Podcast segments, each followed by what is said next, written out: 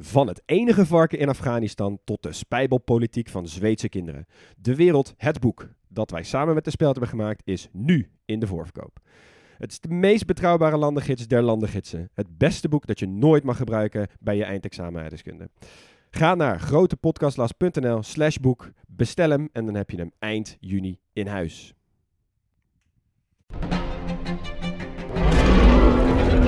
Maarten van Rossum en ik, Gijs Rademaker, nemen je mee naar de tijd van de dinosauriërs. Ja, jij vindt het gemene beesten Ik vind het gewoon eigenlijk. gemene beesten. Ja, Kijk, nou, kijk naar ze. Beesten zijn niet gemeen. We zijn het eigenlijk nooit eens. Maar T-Rex is toch veel sexier. Nee, ik vind de kakkerlak net zo sexy als T-Rex. Ja, ik zie dat je daar moeite mee hebt. Voor iedereen die vroeger al van dino's hield en nu nog steeds een beetje, luister naar DinoCast. Welkom bij de audioversie van de Atlas. Wij zijn drie geografen en in onze ogen is elk land de moeite waard. En hoe kunnen we zo'n land beter bespreken dan met gekke feitjes, mooie verhalen en kleine quizjes? Dit is de grote podcastlas.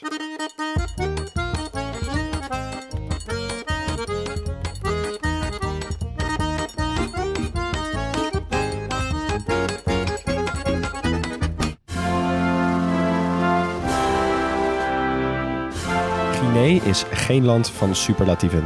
Ze hebben niet de bekendste muzikale exportproducten, niet de pittigste jodelrijst en gelukkig ook niet de bloedigste burgeroorlogen van West-Afrika. Geen voetballegendes die bekender zijn dan het land waar ze vandaan komen. Nee, bij Guinea is het even zoeken. Deze keer moesten we dus iets dieper graven. Zeker wij, want geen experts. Maar liefhebbers zijn we wel van dit land geworden. Eh, als we dan toch in diamantgebied zitten, is Guinea wel een ruwe die we even moeten slijpen. Maar wat blijkt? Het ontbrak Guinea niet aan de karakteristieke postkoloniale presidenten. En ze geven heel West-Afrika te drinken. En kijk na deze afleveringen maar eens goed rond in je woonkamer en vraag je eens af waar jij zou zijn zonder Guinea. Of laten we voorzichtig zeggen, Gia. Sorry. Echt? Ah, Maxi. Nu al? Ik ben beter van je gewend. Ja, sowieso. Maar ik, ik heb me wel echt afgevraagd, jongens, waarom kennen wij Guinea zo slecht? Want Ehm, alles wat er omheen ligt, daar ken je wel iets van. Ja. Bijvoorbeeld Liberia of zo heeft ook wel weer gewoon George Weah, die voetballer. Ja. Eh, Mali heeft Amadou en Mariam. Weet je wel, er is zoveel wat uit die laatste hoofdstukjes komt. Wat, elk land heeft wel iets. ja, Guinea lijkt ook telkens net niet het nieuws te halen of zo. Ja, Wat er gebeurt is net niet spectaculair genoeg. De dictators waren net niet eh, eh, dodelijk genoeg vergeleken met sommige anderen. Ja. Ja. Ja, maar ik heb Leon gehoord over zijn muziekhoofdstukje. En die zal dat toch wel jammer vinden dan. Ja, ik, heb wel, eh, ik, ik ga jullie straks wel even laten spelen, Ja. jongens. We zouden Guinea beter moeten kennen. Wat nou, nee, en dat niet zozeer. Maar Ja. ik, het is zonde dat we ze niet zo goed kennen. Maar het, misschien heeft het ook wel te maken met het feit dat er 14 landen in de wereld Guinea heten. Ja, dat klopt. In maar dit is wel de, de, enige, de enige echte. Dit is wel de original. Zonder eh, voorvoegsels of wat dan De ook. OG onder de, onder Ja. de Chinees. Ja, je hebt natuurlijk ook de Ja. equatoriale versie en de Ja. Papua Nieuwe versie. En hoe, heet- hoe komt het dan? Ja, daar ga ik eh, straks in, eh, het, in een bijzonder hoofdstukje nog even op terugkomen. Ja. Oh, we moeten nog even wachten. Je moet nog even Hmm. wachten. Oké. Oké. Nou, dan eh, laten we dan maar snel beginnen met Guinea. Eh, een land in West-Afrika. Het is niet een heel groot land, maar toch hebben ze best wel wat buurlanden. Dus hun kleine broertje Guinea-Bissau, Senegal, Mali, Ivoorkust, Liberia en Sierra Leone. Het land heeft een beetje de vorm van een letter C. En daarmee omarmen ze bijna heel Sierra Leone. Dus dat is het buurland waar ze het meest mee verstrengeld zijn. De oppervlakte, ze zijn bijna zes keer zo groot als Nederland. Bijna net zo groot als het Verenigd Koninkrijk. Er wonen ongeveer 14 miljoen mensen in Guinea en de hoofdstad is Conakry. Daar wonen ongeveer 2 miljoen mensen, best wel een grote stad dus. Eh, en nou, waar wonen die mensen dan? Eh, nogmaals, het is een land in de, in de vorm van een letter C. Ehm, de meeste mensen wonen in de westelijke helft ervan. Uiteraard is die strook kust best wel dicht bevolkt. Daar ligt ook Conakry. Maar absoluut niet alleen daar wonen de mensen. En vergeleken bij omringende landen is de urbanisatiegraad echt best wel laag. Uh, dus je hebt echt een heel levendig dorpsleven. Dus zoom in op je Google Maps en je komt altijd wel een hele verzameling van kleine dorpjes Ja. tegen. Ja, en, en zoom dan ook meteen even in op de hoofdstad. Want die heeft een rare vorm. Zo, ja. Lijkt wel een soort landtong die uit zich uitstrekt over het water heen. En daar wonen dan die 2 miljoen mensen in. Met één Ja. zo'n rechte weg erdoorheen. Die zal eraan wonen. Maar dat is dus echt een soort van levensader. Ja. Ja, ja dat is heel bizarre vorm. Ja. Nou, de valuta dan. Ehm dat is wel mooi. Van alle van die klassieke West-Afrikaanse landen is dit de enige eh, die niet de CFA-frank gebruikt. Ze hebben een eigen frank. Ah ja.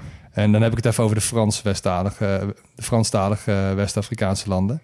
Uh, maar ze hebben dus een eigen munt. En dat is uh, best wel exemplarisch voor het land. Want volgens mij is het best wel een eigen gereid landje. Uh, de religie is dan wel weer uh, best wel uh, overeenkomstig met landen die eromheen liggen. het is overwegend Soenitisch, islamitisch land, ongeveer 85 procent. Daarnaast christendom op zich ook nog wel substantieel. Maar alles is wel gemixt met lokale religies en lokale gebruiken. De taal is Frans, officieel in ieder geval. De grootste gesproken talen zijn Pular. Dat is een Fula-taal, hebben we ook wel eens besproken. En daarna heb je Mandingo, dat is ook wel groot. Die talen die worden trouwens ook in buurlanden best wel veel gesproken. Dus dat zijn talen die de landsgrens wel overstijgen. Nou, logisch op zich als je kijkt naar de geschiedenis. Dan de achternamen zijn Diallo, Camara, Ba en Barry. Barry? Is Barry de achternaam? Barry. Jazeker. Vet. Ja. ja, mensen heten gewoon Barry. Kan je Barry en Barry heten daar? Je kunt daar wel Barry Barry heten, ja. Maar ik denk dat het als voornaam ietsje minder gangbaar is. Dat, dat is wel zo.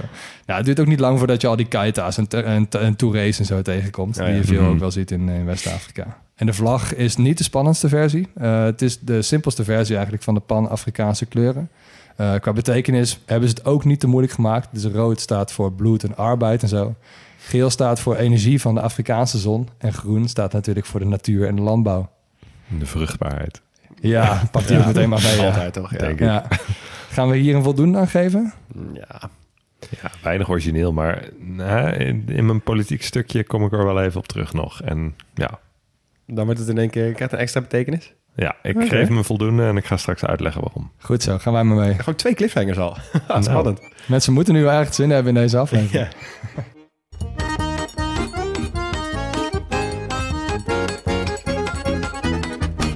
Nou, de demografie van Guinea is eigenlijk wel een beetje zoals we in de regio al eh, veel vaker hebben gezien. Dus uh, er zullen waarschijnlijk, als je een vaste luisteraar bent, uh, groepen langs horen komen die, die we al eerder hebben genoemd. Je hebt eigenlijk drie grote: de Fulani, de, de Fula die jij net zei, de Malinke en de Susu.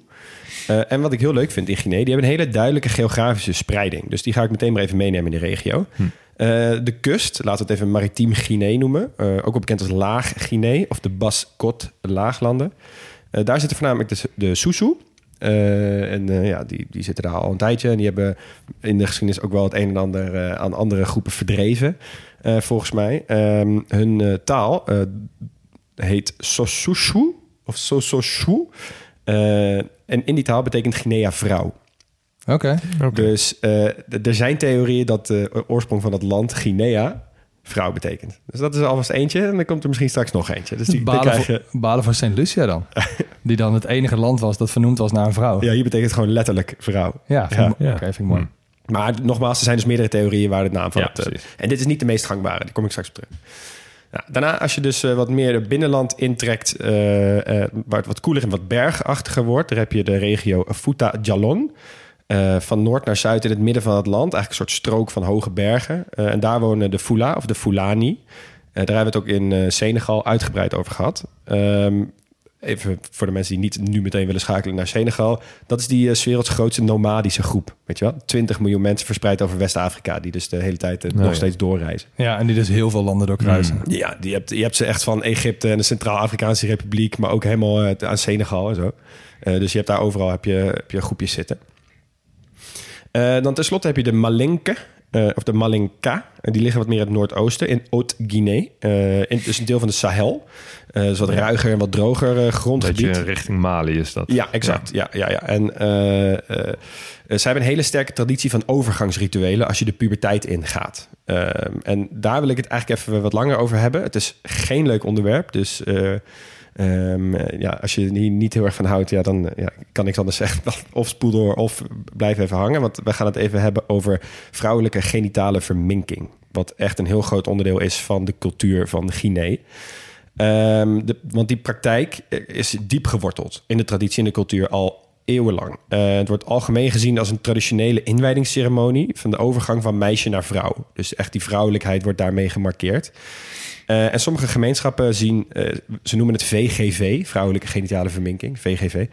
Um, er is een geloof dat als je dus eh, eh, de, dat, dat die handeling ondergaat, dat je dan Mhm. dus je maagdelijkheid waarborgt. En dat ook de seksuele verlangen van vrouwen onderdrukt worden om overspel te voorkomen. Dus er ligt Mhm. een hele grote soort maatschappelijke druk op meisjes om dit te ondergaan. Eh, en dat zie je dus ook terug in de getallen. Want volgens UNICEF is in Guinea 97% van alle vrouwen tussen 15 en 49 jaar slachtoffer Ja. geweest van genitale verminking. Een van de hoogste eh, percentages. Alleen in Somalië is het getal hoger. En in Somalië Ja. schatten ze het op 99. Joh. Ja. Ja, En dan heb je heel veel verschillende soorten genitale verminking. ja. Ja. Wat, is, de- wat is dan de soort Ja, die hier het meest... Ik heb daar expres, ik dacht ja, ik vind het heel precies. lastig om daar wat dieper op in te gaan. Ehm, maar je hebt gewoon eigenlijk gradaties, levels 1, 2, 3 en 4. Ehm, en dit is wel alles bij elkaar genomen, zeg maar. Maar je kan ervan uitgaan dat de zwaarste hier ook gewoon wel echt heel veel voorkomen. Ja. Ehm, en je ziet het in heel veel andere landen, zie je het afnemen. Maar in Guinea is dat nog niet echt het geval. Terwijl het wel nationaal verboden is. Dus officieel bij wet verboden om dat in Guinea toe te passen. Maar ja, ehm, de meerderheid van vrouwen en meisjes in Guinea zelf eh, steunt, zeggen ze zelf, de praktijk VGV. Ja. Vanwege die druk, weet je wel, die maatschappelijke druk en die sociale angst om niet te kunnen trouwen als ze bijvoorbeeld niet besneden zijn. Ja. En wat het in dit soort situaties dan vaak gevaarlijk is, is omdat het verboden is, gebeurt het in het geheim. Ehm, eh, onder, ja, niet in een ziekenhuis dus. Ja, Dat maakt natuurlijk alleen nog maar gevaarlijker voor de meisjes die het ondergaan. ja, exact. Ja, nou is ook nog goed nieuws. Jazeker, er zijn dus heel veel internationale groepen die hier dus zich mee bezighouden. Eh en er zijn ook steeds meer vrouwen die zich uitspreken hierop, internationaal. Eh, dus de aandacht ervoor groeit. En eh, laten we in ieder geval hopen dat het de komende tijd eh, wat meer aandacht bij komt. En dat ze dat ook daar wat socialer kunnen accepteren. Ja, goeie. Nou, ja, goed land om dit te bespreken, maar het is helaas wel breder dan alleen Guinea. Nou, dan ehm, even van de transitie van meisje naar vrouw naar eh, kolonie naar zelfstandig land. De komende hoofdstukken. Eh, we hebben het in de eerdere afleveringen wel eens gehad over die grote West-Afrikaanse rijken die, die tijdens onze middeleeuwen bestonden. Je merkt, we zijn aanbeland bij het geschiedenishoofdstukje. Eh, het zwaartepunt van die rijken bevond zich vaak wel net iets ten noorden van wat wij dus nu als Guinea kennen. Dus denk aan Mali en Senegal, en dat hebben we ook gehoord in de aflevering die we daarover gemaakt hebben. Maar vaak was dus een deel van wat wij dus nu kennen als Guinea dus ook wel onderdeel van zo'n rijk. Hè, dus we noemen het Koninkrijk Ghana, hebben we een keer genoemd. Eh Sosso hebben we nog niet genoemd volgens mij. Dat is hun opvolger. Oké. Eh, je hebt het Koninkrijk Mali, hebben we ook gehad. En het Ja. Songhai-rijk. En die Songhais, die waren nog wel echt het machtigst. En het ging echt van de westkust eh, van Afrika tot aan Timbuktu. En het gebied rondom Benin en Togo. Dus echt een supergroot stuk. En de meest machtige man daar was Askia Mohammed I. Eh Askia was gewoon een titel. Hè, dus, maar hij wordt wel eh, Askia de Grote genoemd. Dus dit is wel iemand die moeten we even in de gaten houden. Eh, Is Askia niet ook gewoon de grote? Of is het gewoon een... het Nee, nee, een- Askia is echt de titel. Ja, oké, en hij ja, ja. is gewoon de grootste daarvan. Ja, Ja, oké, dus oké, hij wordt dan Askia de Grote genoemd. Nou, hij liet het Rijk niet alleen groeien qua territorium, maar ook wel heel erg qua handel en qua cultuur. En ehm, hij bouwde eigenlijk een, een hele gecentraliseerde staat, ehm, waarin die kleinere volkeren toch wel bleven bestaan. Super knap eigenlijk. Hij hield zijn land dus heel erg bij elkaar. Het is een supergroot rijk. Maar hij overleed en de ruzie over zijn opvolging vormde eigenlijk ook meteen het begin van het eind van zijn rijk. En eind 16e eeuw ongeveer viel het doek. Nou, wat die Askia de Grote wel handig gebruikte was de islam. Hè, dus nog zo'n koning met zo'n supergrote entourage die ook de harts ging maken. Ja, ja. Hebben we ook in eh Mali gezien. goud achterlaten, de wereldwijde je die goudprijs. gast ook eh, weer? eh, Moussa Mansa of ja, zo? Mansa. klopt. Rijkste man ooit bestaan. hè. rijkste man ooit bestaan. Nou, dit was dus ook zo'n gast die gewoon met superveel goud die harts ging maken. En nou, dat had best, best wel wat, eh, wat impact. Niet zo groot als volgens mij van die Mansour Massa. Eh, die echt volgens mij de goudprijs liet veranderen. Volgens mij Ja, door, klopt, ja, ja. Zoveel uitgedeeld. door alles wat hij uitdeelde. Ja. Maar goed, dit was er ook zo een. Ehm, de islam was vanuit eh, Marokko ongeveer vanuit het noorden gekomen, naar het gebied van Guinea nu. En samen met Sierra Leone is dit ongeveer het gebied waar de islamitische meerderheid in West-Afrika ongeveer ophoudt. Mhm. Geografisch Oh, ja, gezien. ja. Dus landen als Liberia en de kusten van eh Ivoorkust en Ghana en zo, daar is het christendom weer veel groter. Ja. Ja, Nou, oké. Ehm, Marokko was ook de plek ehm, vanuit waar eh, na het eh, vallen van het Songhai-rijk... eh, waar de pogingen vandaan kwamen om het stokje van ze over te nemen. Dus om een gecentraliseerd rijk te stichten... dat weer heel West-Afrika in zijn greep had. Maar dat lukte ze eigenlijk niet. Eh, dat was de tijd waarin West-Afrika vooral verviel in heel veel kleine rijkjes. En een van die rijkjes heb jij net al genoemd, Leon. Dat was die van Fouta Jalon. Mhm. Eh, zij stichtte daar een imamaat. Dus echt een islamitische staat in de bergaf, bergachtige binnenlanden. En die werden meteen ook weer een van de meest machtige West-Afrikaanse rijken van die tijd. Omdat ze aanvankelijk veel geld verdienden aan de transatlantische slavenhandel. Ja. Nou, eh, intussen waren natuurlijk de Europeanen op het toneel verschenen. En uiteraard eerst als handelsposten. Ik hoef jullie niet te vertellen wat voor soort handel. Uh, maar degene die het hardst proberen om Guinea in te lijven waren de Fransen. Nou, dat was natuurlijk in de regel uh, niet zo fijn voor die gebieden, hè, voor, die, uh, voor die Afrikaanse net gekoloniseerde gebieden. Maar gelukkig waren er wel mensen die uh, ten eerste best wel rijk werden van de, de, handel in wapens en mensen. En ten tweede iets tegen die overheersing probeerden te doen. Mooie combinatie. En we bespreken nu een persoon die heet Samori Touré. zijn familie werd heel rijk van die wapenhandel. En het was het voordeel van hem dat hij dus zo erg in die business zat dat hij best wel snel een modern leger kon smeden. En met dat leger ging hij zichzelf groeperen met als grote vijand de Fransen. En hij sticht in de oostelijke binnenlanden, stichtte hij een rijk dat jullie misschien ook wel tegen zijn gekomen, het Wassoulou-rijk. Mhm. Alles daarvan, um, die machtige rijken, dat was dus allemaal in de binnenlanden. Dat vond ik best wel opvallend. Ja. Ja. Uh, dus die grote rijken waar ik het eerst over had en nu ook dus deze. Dat gebeurde dus eerder in die bergachtige binnenlanden dus dan aan de kust. Nou, dat Wassoulou-rijk was een van de best georganiseerde en bewapende rijken die ontstonden tijdens die overheersing. Uh, het strekte zich uit over Guinea en Mali en de Ivoorkust en Senegal. Dus weer was best wel een groot gebied. En dat allemaal onder de leiding van die Samori Touré. Hij was echt een militair strateeg, echt een, een, charismatische staatsman en vooral ook iemand die volkeren wist te verenigen in de strijd tegen de Europeanen. En nogmaals, het waren heel veel verschillende volkjes. Maar hij heeft dus ook weer um, die volkeren best wel hun eigen identiteit laten behouden. Uh, tijdens dat ze groter onderdeel waren van, van, die, van die staat, van dat Wassoulou-rijk. Dat is wel vaak, vaker de sleutel tot een succesvol langdurig rijk gebleken. Ja. Hè? Ja, het, is Niet, het heeft helaas niet heel lang bestaan, maar ze waren wel effectief in die strijd. Nou ja. Omdat ze gewoon, ze hadden grotere doelen um, dan het smeden van een rijk waarin iedereen assimileerde. Ja, precies. Ze moesten gewoon militair, moesten ze gewoon een vuist maken tegen die Fransen. Ja. ja. Maar de, weet jij nou of ze nog wel tijdens die tijd ook bezig waren met mensenhandel? Want dat vind ik altijd zo'n zo'n cru hoofdstuk aan de geschiedenis, zeg maar. Ik bedoel, natuurlijk, de transatlantische mensenhandel werd aangewakkerd door de Europeanen. Mhm. Maar in de binnenlanden ja, werden heel veel van die, van die koninkrijks die daar zaten ook aangejaagd om die mensen door te voeren vanuit hun binnenlanden naar de kust, zeg ja. maar. Ja. Dus dat is echt zo'n zo'n cru... Want ja, aan de ene kant, ze hebben dan wel een land gesticht waarbij ze die mensen verenigen. Maar aan de andere kant gaan ze nog steeds door met mensenhandel, zeg maar. Ja. Ik vind het altijd zo'n... Dat zijn we ook bij het, uh, dat koninkrijk Dahomey. Ja, ja, exact dat. Ja. In Benin, ja. Ja, ik denk dat het gewoon voor 95% van de mensen gewoon verschrikkelijk was. En Ja. dan is er een hele kleine groep die daar dus redelijk goed van profiteert. Ja, ja. Ook door ehm, valse verdragen met, met die Europeanen. Dat moeten we echt niet vergeten. Die werden vaak echt wel ergens ingelokt. ehm, en een beetje lost in translation. Maar toen waren ze eigenlijk al te laat. Ja. Nou, uiteindelijk waren die Fransen toch te sterk. En na de conferentie van Berlijn waren het de Fransen en de Britten die het fanatiekst op pad gingen om landen te claimen waar ze nog nooit waren geweest in West-Afrika. En dat leverde hele gekke stukjes land op die vaak helemaal niet aaneengesloten waren. En om te voorkomen dat ze met elkaar in oorlog zouden komen, gingen ze dus die stukjes aan elkaar binden en uitruiden tegen elkaar.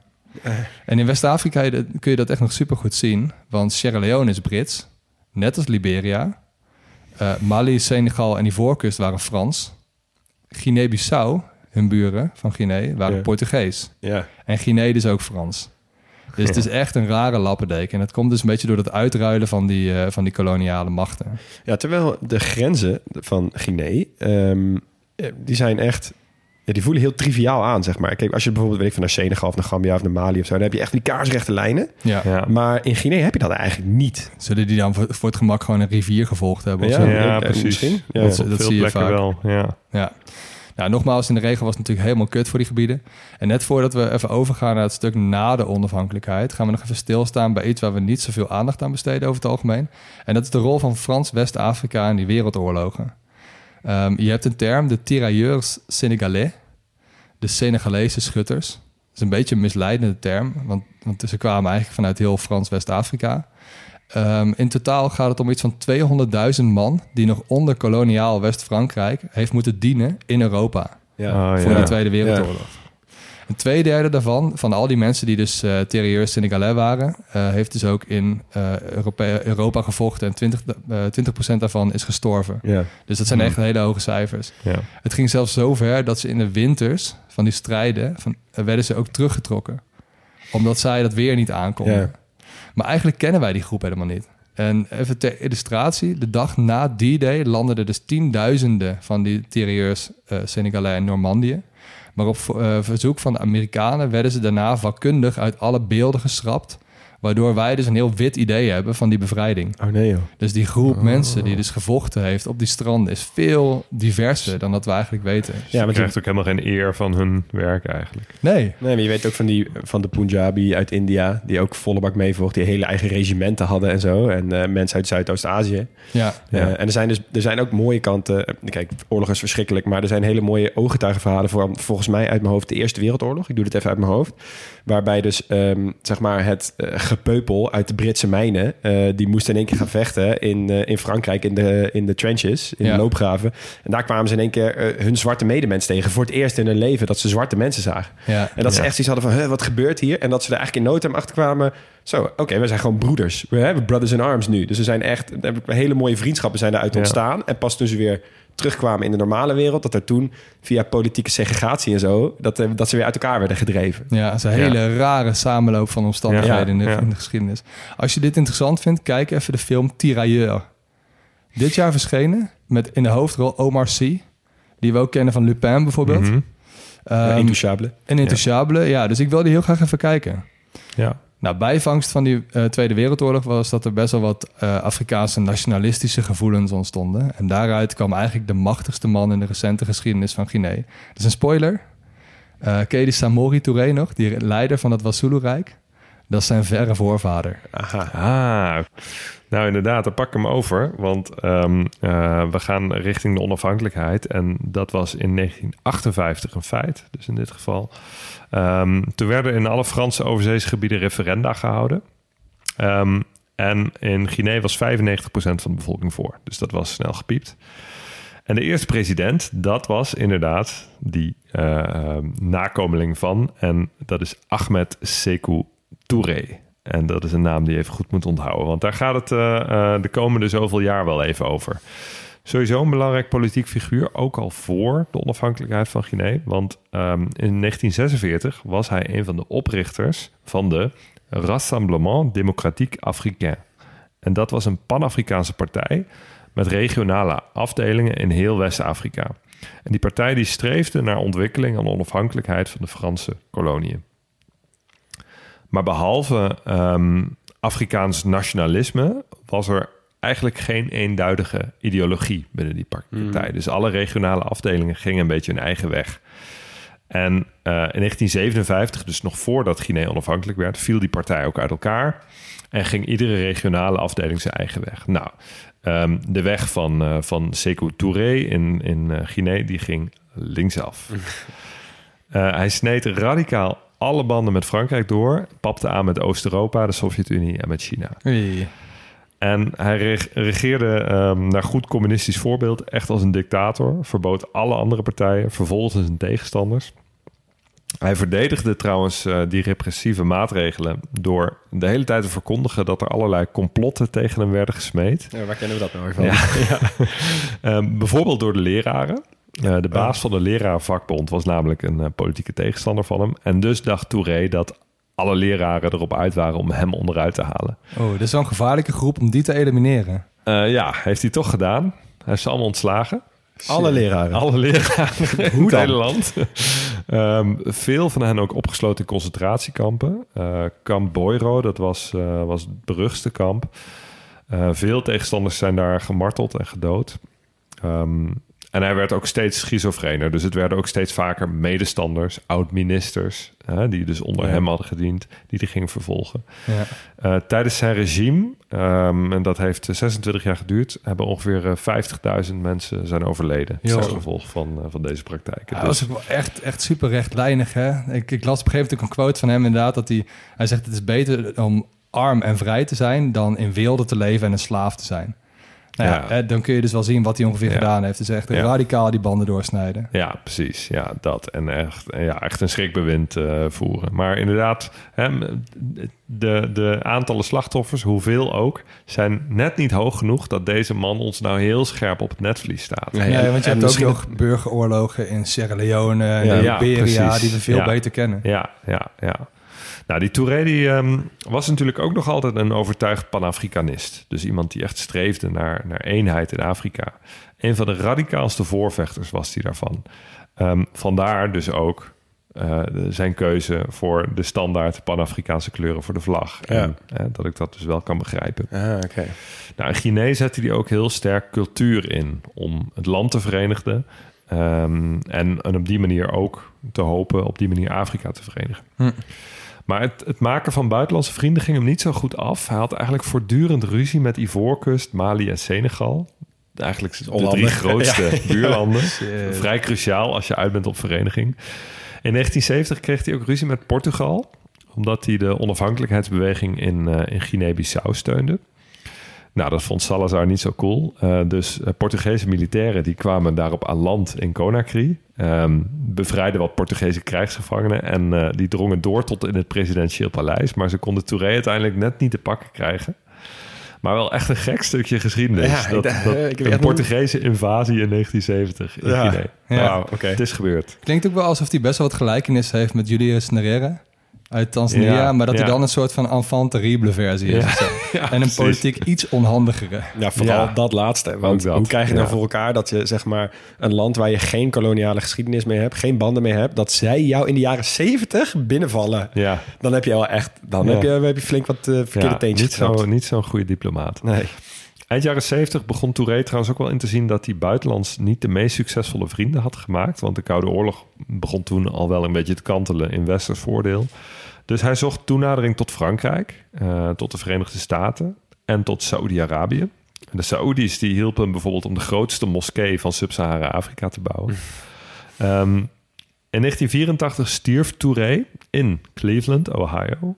Eh, daar werd hij medisch eh, behandeld. En dat hij daar lag, dat zegt ook wel wat over welke afslag hij ideologisch had genomen. Ja. Ja. Dus van hè, communistisch begin toch eh, steeds meer richting een, een vrije markt en toenadering tot het Westen. Ja, Hij was niet in, in Novosibirsk of zo. Nee. Nee, precies. Nee, En nee. pragmatisch waarschijnlijk ook dat hij dacht, ja, fuck it, ik geef Ja. het op. Ja.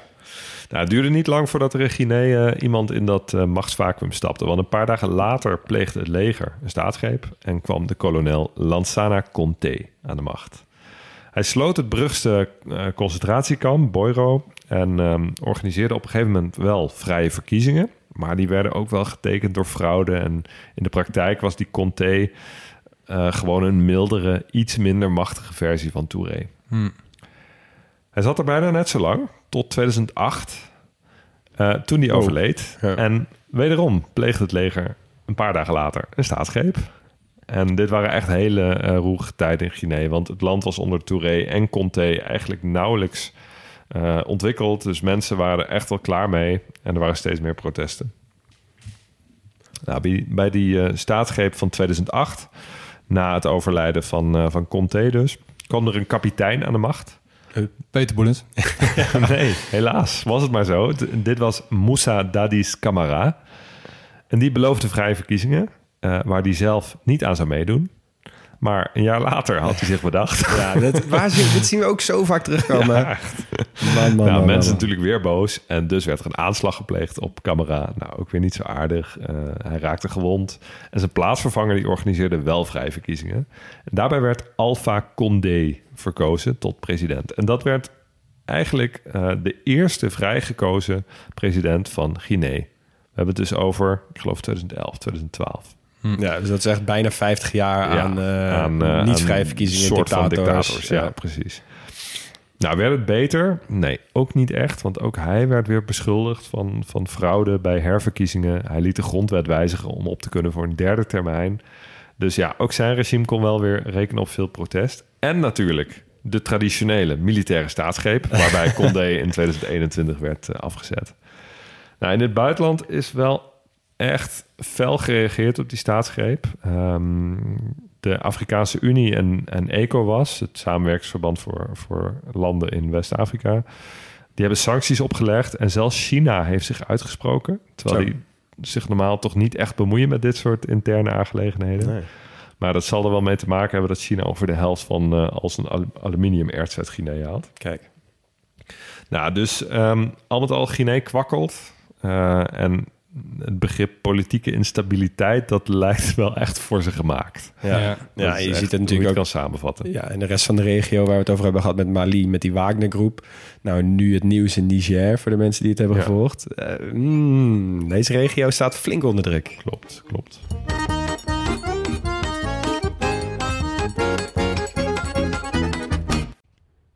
De podcast. Je vakantiegeld komt eraan, dus het is tijd om jouw reis te boeken. En onze sponsor van vandaag heeft een dikke kortingscode. En die sponsor van vandaag is Sawadi, niemand minder. Dit is een reisorganisatie en vakanties zijn natuurlijk duur, dus dit aanbod is extra interessant deze tijd. Ik vind dat altijd een mooie organisatie, Sawadi. Ja, ja ik ook wel. En Ja. ze bieden verschillende soorten eh, groepsreizen aan. Eh, en vandaag gaan we het even hebben over die ze aanbieden aan de 22 tot 35-jarige backpackers. En dat zijn over het algemeen mensen die wel wat meer willen weten over het land dat ze bezoeken. En dus niet zomaar van A naar B die hotspots aflopen, busje in, busje uit. Ja, en het zijn ook mensen die het vaak leuk vinden in een groep eh, te reizen. En eh, die groepen die blijken ook heel snel vriendengroep te worden. Zowel tijdens de reis als daarna. Eh, mensen komen vaak nog heel, veel, heel vaak met elkaar terug, spreken af om te meeten en zo. En je kunt dus ook echt naar heel veel plekken op de wereld. Populair zijn op dit moment plekken als Zuid-Afrika, Marokko, Jordanië, Colombia, Nepal. Eh, maar bijvoorbeeld ook plekken die normaal gesproken niet altijd makkelijk te bereizen zijn voor, ik zeg maar wat, alleen reizende vrouwen. En dat zijn dan bijvoorbeeld plekken als India. Ja, en ze werken natuurlijk samen met lokale organisaties, niet met de grotere hotelketens. Eh, ze eten bij locals, eh, lopen rond met mensen die heel veel kennis hebben over de lokale gang van zaken. En daar komt de kortingscode om de hoek kijken. Want als je nu een 22 tot 35ers reis boekt, krijg je 100 euro korting met de code TGP100. En die code is geldig van 1 mei tot 16 juni. Ja, dus je moet wel een beetje op tijd boeken, maar hey, 100 euro korting op zo'n reis. moet je kijken dat- wat je er allemaal mee kan ik doen. zou dat toch altijd even proberen om DGP 200 in Ja, te voeren. ja, ja, ja, ja. ik misschien. Ja. Ja, ik- Anyway, 100 is ook al super mooi. Zeker. En bij Sawadee, het reizen is heel makkelijk. Er is heel veel keuze en het is dus ook heel gezellig. Sawadee, met wie ga jij op reis? Terug naar de podcast.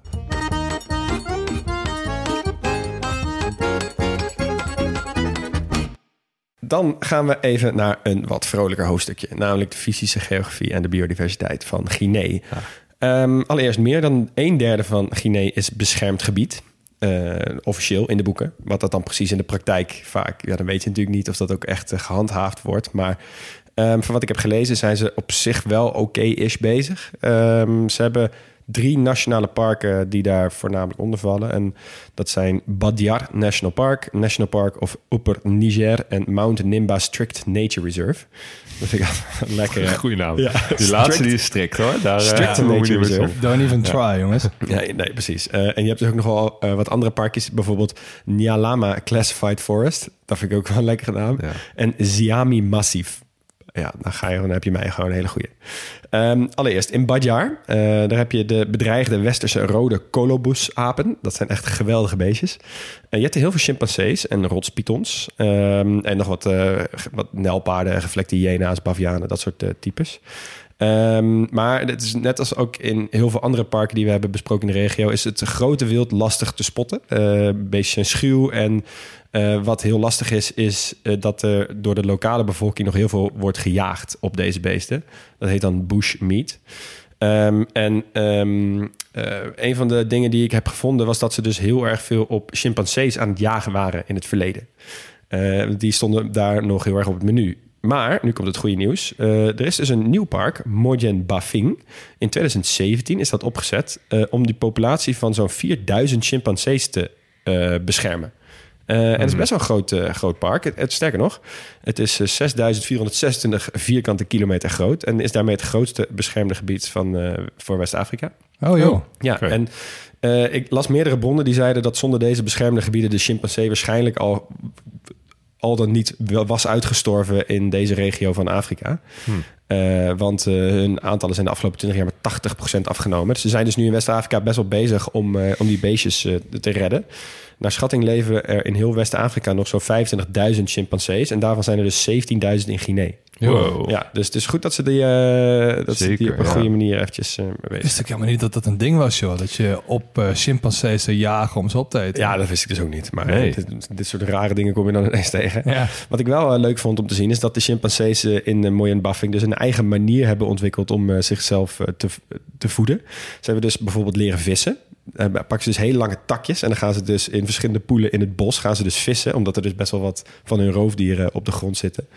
Eh, en je hebt overal van die, eh, van die beelden dat ze dus allemaal andere wilde dieren gewoon aan hun eh staarten trekken en op hun hoofd slaan. En zo. Ah. Wat je ook in, soms in andere landen, vooral volgens mij Zuid-Azië ziet, waarbij ze dan van die tijgers op hun hoofd slaan. En zo, weet je wel. Dit is ook wel een lekkere crush van ons drieën tijdens die afleveringen, toch? Wat Sli- slimme beesten. Ja, ja zeker. Zeker, ja. Ja, ehm, kleine adder onder het gras. Ehm, recent heeft de overheid, ik weet niet meer welke, een van de afgelopen drie, vier jaar, eh, een deal gesloten met de Chinezen eh, om een dam te bouwen midden in het gebied. De Oh, Kukutamba-dam. En dat zou wel een einde maken aan alle aspiraties om de chimpansee te beschermen. Maar de laatste bronnen die ik hierover kon vinden was wel van een aantal jaar geleden. Dus ik hoop dat ze door die staatsgreep slash... eh, misschien dat Ja. Chinezen hem daarom ook zo eh, heftig hebben beoordeeld. ja, ja, misschien wel. En daar zal de rest van West-Afrika ook niet zo heel blij mee zijn. Want ongeveer alle rivieren in West-Afrika die beginnen in Guinea. Kijk, en dat is een mooi bruggetje naar mijn eh, volgende subhoofdstukje. Namelijk eh, de bron van de rivieren. Niet alleen de Gambia-rivier, de Senegal-rivier, maar de Niger ontspringt er. Hmm. En ehm, de Niger heeft een van de lijpste routes van alle rivieren ter wereld. Ja, het is echt de minst efficiënte stroom, stroomrivier van, van de hele wereld ongeveer. Ja, die gaat echt de Sahara in en denkt dan... "Nou, hier wordt het te warm, ik ga weer terug. Ja. maar die hadden echt, als zij gewoon een slimme afslag hadden genomen, hadden ze echt in 150 kilometer klaar kunnen Ja, zijn. in twee- het- inderdaad. Ze ontspringt 200 kilometer van de Atlantische Oceaan. Maar in plaats van daar naartoe te stromen, gaan ze landinwaarts. Of gaat die rivier landinwaarts. Weg van de zee, richting de Sahara. En dan maakt hij inderdaad een dikke bocht, vlakbij Timbuktu.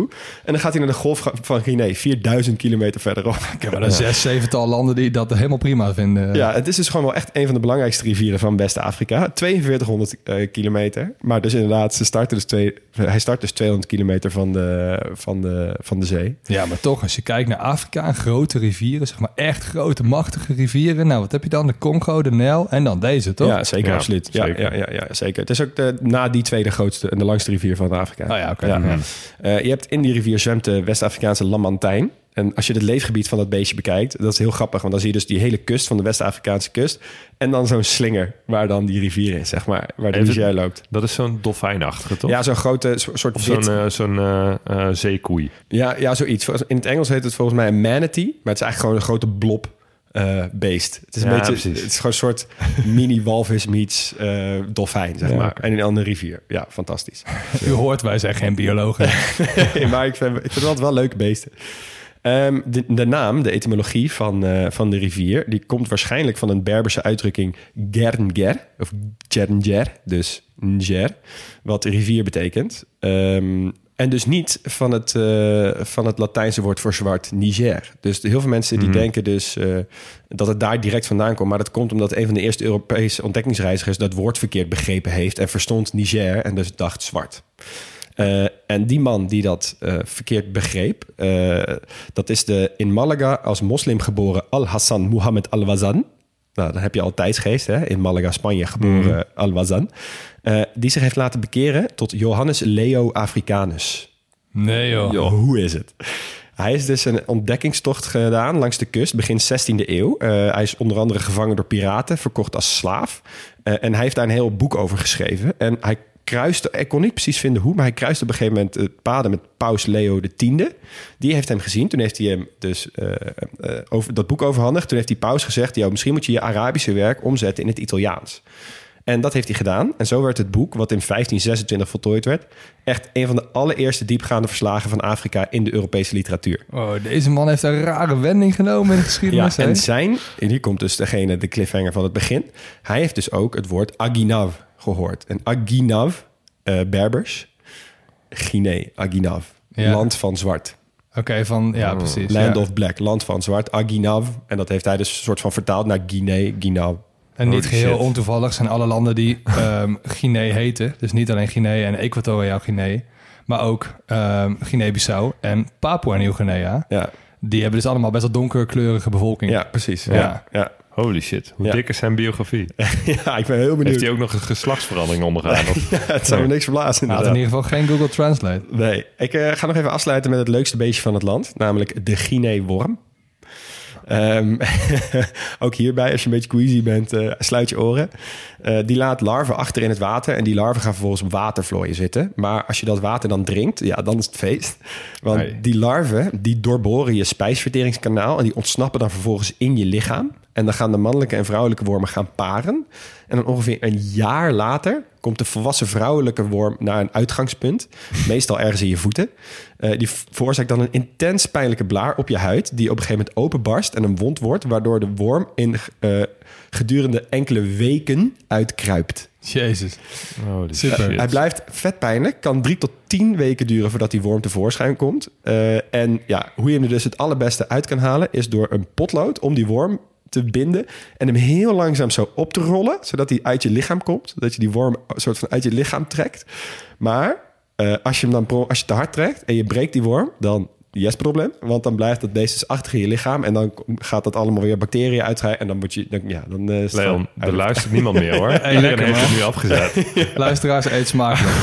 Mooi, dan ga ik het even hebben over de economie. Want dat is ietsje minder onsmakelijk. Maar ik vind de Guinea-worm... Ja, hij heeft wel een speciaal plekje in mijn hart veroverd nu al. Hey, die, eh, die economie, eh, de meeste mensen werken dus in de landbouw... maar de meest, het meeste geld komt dieper uit de grond. Dat is even een samenvatting. Even over het geld. Eh, tijdens de onafhankelijkheid dacht die Sekou Touré ook... dus van als we het toch echt goed gaan doen, onafhankelijkheid... dan gaan we het ook echt goed doen. Dus ook al die samenwerkingen die daarna zijn ontstaan... die hebben zij dus ook niet. Dus ook die CFA-frank, dat is dus waar Mhm, dat van komt. ja. Dat hij ook gewoon de hele regio en alle mensen die voorheen over het geld gingen... de rug heeft toegekeerd. En zeiden van, wij gaan het wel zelf doen. Ik weet niet of dat voor de economische prestaties heel veel heeft uitgemaakt. Want ze doen het ongeveer net zo goed als alle landen die eromheen zitten. En die daar dus wel in dat samenwerkingsverband zitten. En buurlanden Liberia en Sierra Leone bijvoorbeeld doen het echt nog wel veel slechter.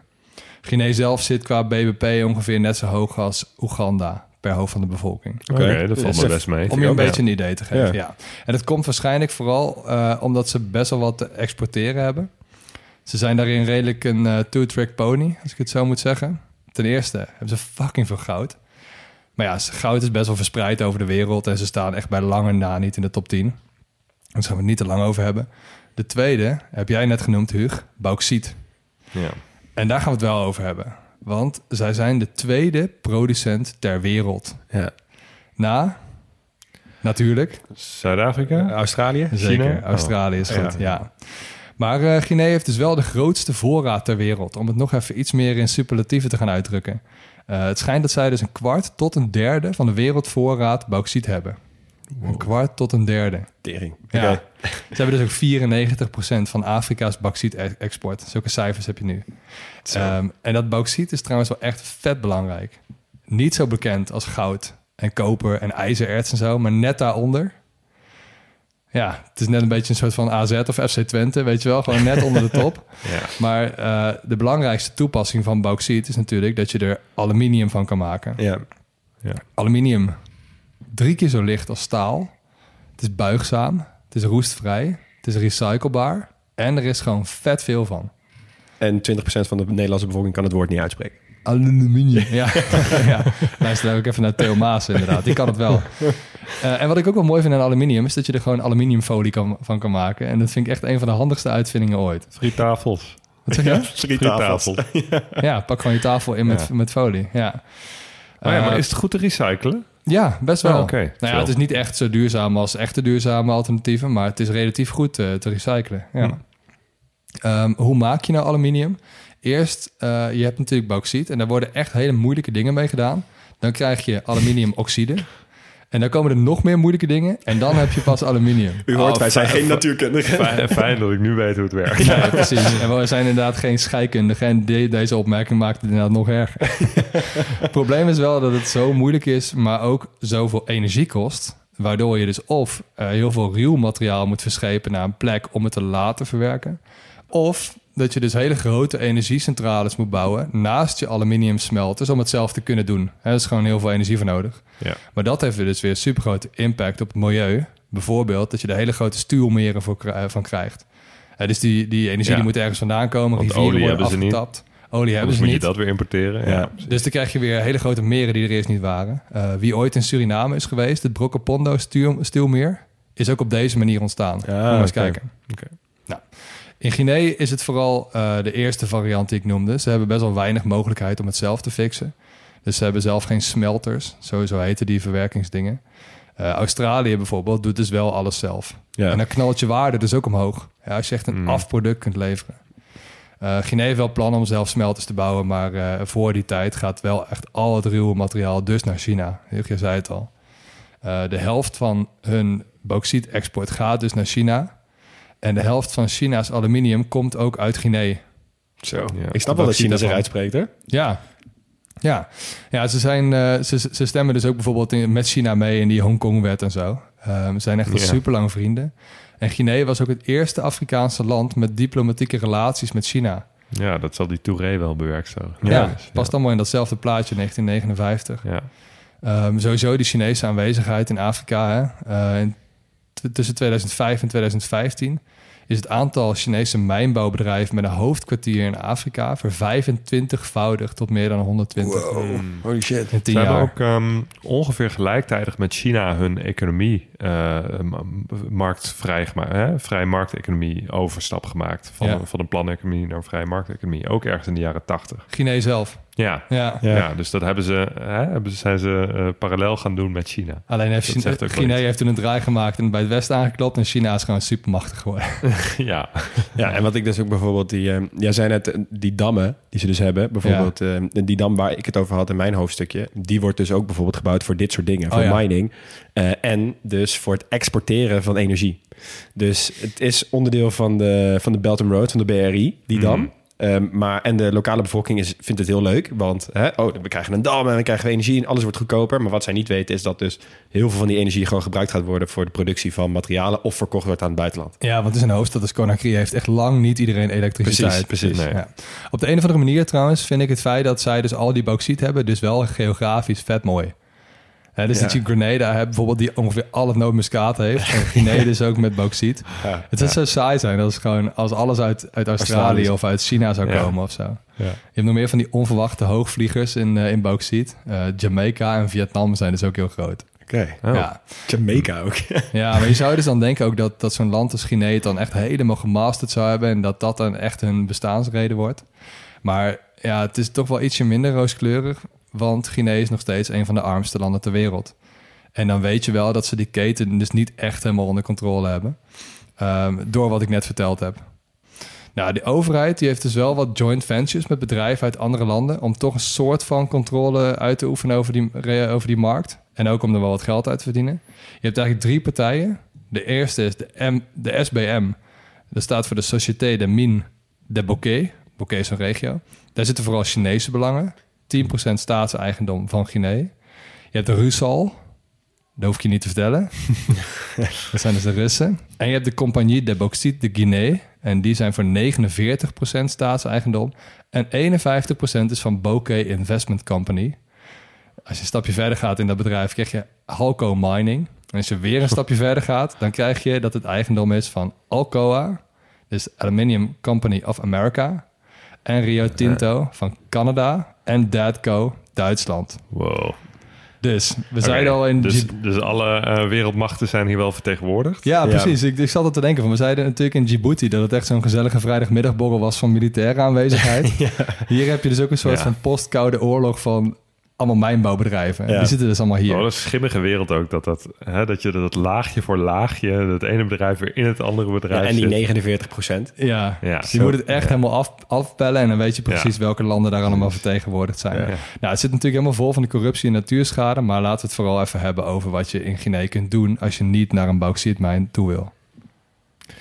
Nou, dat ga ik jullie vertellen. Ehm, om te beginnen, niet heel veel mensen weten Guinea te vinden. Het aantal toeristen schommelt heel erg mee met de politieke situatie, maar in een goed jaar komen er ongeveer 100.000 buitenlandse toeristen. Oh, dat is echt is weinig. Echt heel weinig. Ze staan in een rijtje met een paar kleine Afrikaanse landen, wat eilandstaatje in Oceanië en verder vooral landen die in staat van oorlog verkeren. Ja, maar dus dat al- is alle landen veel. die het dus in het verleden moeilijk hebben gehad, die wel in die regio liggen, die krijgen dus wel veel meer Die toeristen. krijgen meer toeristen, ja. Ja, misschien dan toch ook door die bekendheid... dat hè, ook eh, eh, negatieve publiciteit publiciteit is. Ja, Nou, ja, dat is misschien een beetje het probleem van Guinea. En ja, dat terwijl het land qua natuurschoon echt zoveel moois te bieden heeft. Want ja, fysische geografie is echt, echt genieten. Zoveel verschillende landschappen in, in zo'n klein land. En het ligt ook eigenlijk helemaal niet zo ver weg. En het reisadvies in het grootste deel van het land is geel. Ja, dat zijn de geëikte bestemmingen in Zuidoost-Azië bijvoorbeeld ook. Ja. Thailand, Vietnam, Indonesië. Is het zo, ja? Zijn ze gewoon geel? Ja. dat verbaast me wel, moet ik zeggen. Ja, maar ze hebben daar niet echt heel veel jihadisten zitten en zo, toch? Dus ja, dan, dan maakt het... We hebben wel heel veel legers die staatsgreep ja, plegen. Ze zeggen vooral, je moet demonstraties mijden... want die worden nogal eens hardhandig uh, neergeslagen. Ja. Dus, maar over het algemeen kun je er gewoon heen. Ehm, maar Guinea, Guinea doet nou helemaal niets erg zijn best om toeristen aan te trekken. Uh, de Lonely Planet schrijft bijvoorbeeld over Conakry... Conakry doesn't try to please it, its guests, and yet slowly many are eventually won over by its charms. Toch wel. Dus ja, er is wel wat, wat te vinden uh, volgens Lonely Planet, maar ze, ze dragen het niet uit. Het, Nee. is, het is gewoon totaal niet gericht op toeristen. En dat vind ik, vind ik ook altijd vaak wel de vetste bestemmingen. Plekken die er niet echt hun best voor doen, maar wel gewoon toch tof zijn. Ja. Ja. Dan krijg je ook de hele tijd van die leuke gesprekken met mensen op straat. Die dan zo, yo, waarom ben jij hier? ja, ja, klopt. Ja. Ja, maar goed, je hebt ook wel van die steden zoals Lagos en Nigeria en zo. Dat heb je natuurlijk een beetje, ook een beetje. Maar die zijn zo onmogelijk dat het ook Ja, gewoon moeilijk is om heen te gaan. Zo'n overurbanisatie, ja. Dan lijkt Conakry me redelijk vriendelijk. Ja, ja, ja, mij ook wel. Maar goed, er vallen niet veel mensen voor. Ehm, veel van de grootste attracties in Guinea hebben hooguit 10 beoordelingen op TripAdvisor. Dus dat, dat Wauw. zegt wel genoeg. Mijn, mijn straat heeft er meer. ja, precies. Veel mensen zullen aankomen in Conakry eh, als je er naartoe gaat. Want daar ligt ook het Ahmed Sekou Touré International Airport. Dat zegt ook wel even iets over de status die die man ondanks alles toch nog heeft. ja. In Conakry gaan veel mensen naar de grote moskee. Dat is dat enorme ding dat eh, met, door de Saoedi's is gebouwd. Is die nog steeds de Ehm, grootste van Sub-Sahara-Afrika? Eh, ja, dat nog steeds. Eh, de drie na grootste van Afrika als geheel. Oké, dat is best wel knap met Egypte en Marokko. Zo, Zeker. en je- Maar Sub-Saharan Afrika, maar dan wel islamitisch, dat is ook maar een dunne strook, hè? Ja, klopt, dat is waar. Maar Ja. dan nog. Maar dan derde, nog. derde van Afrika. Er kunnen 25.000 mensen tegelijk bidden. Zo. Dat is echt gewoon een groot sportstadion, is eigenlijk. Ja, dat is gewoon de kwart van het aantal internationale toeristen per jaar. Ja, ja, ja klopt.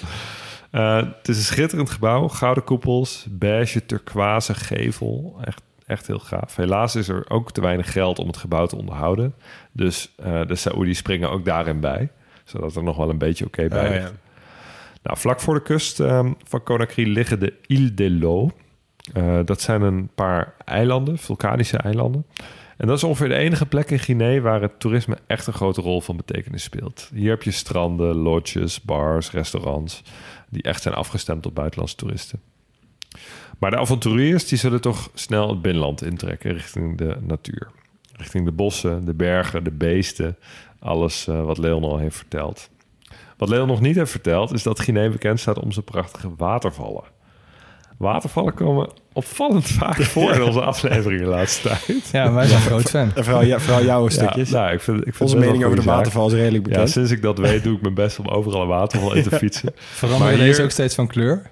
Nee, deze niet, maar je kan er niet omheen, want ze zijn wel echt gaaf. Ehm, het zijn niet van die enorme Victoria Falls die over een hele grote eh, breedte, een 100 meter naar beneden donderen, maar het zijn meer van die trappetjes watervallen. Oh ja. Eh, dus die over rotswanden stukje bij beetje naar beneden kletteren. Ja, mooi. is, het, is het langer dan eh 10 minuten leuk om daar te zijn? Weet ik niet. Ik ben er niet langer dan 10 minuten geweest, maar ik vond het plaatje wel gaaf. Ja. Ja, ik Ja. begin meteen weer te bedenken hoe vet eigenlijk die mooiste waterval van Letland was. Weet je die nog? Was dat? dat Die was de- breedste de van breedste Europa. Oh ja, ja, ja, overal maar maximaal 2,8 meter hoog is. Ja, ja, ja, ja. ja dat is ook wel weer leuk. Je hebt natuurlijk wel... hè, de ene waterval is de ander niet. Je hebt allemaal verschillende... Ja. Mooi tegeltje. Als je goed zoekt, dan vind je trouwens ehm, wel een paar lokale bureaus... die meerdaagse trektochten aanbieden... met een gids naar die mooie parken en watervallen. Dus doe dat. Dan heeft de lokale bevolking daar ook het meeste aan.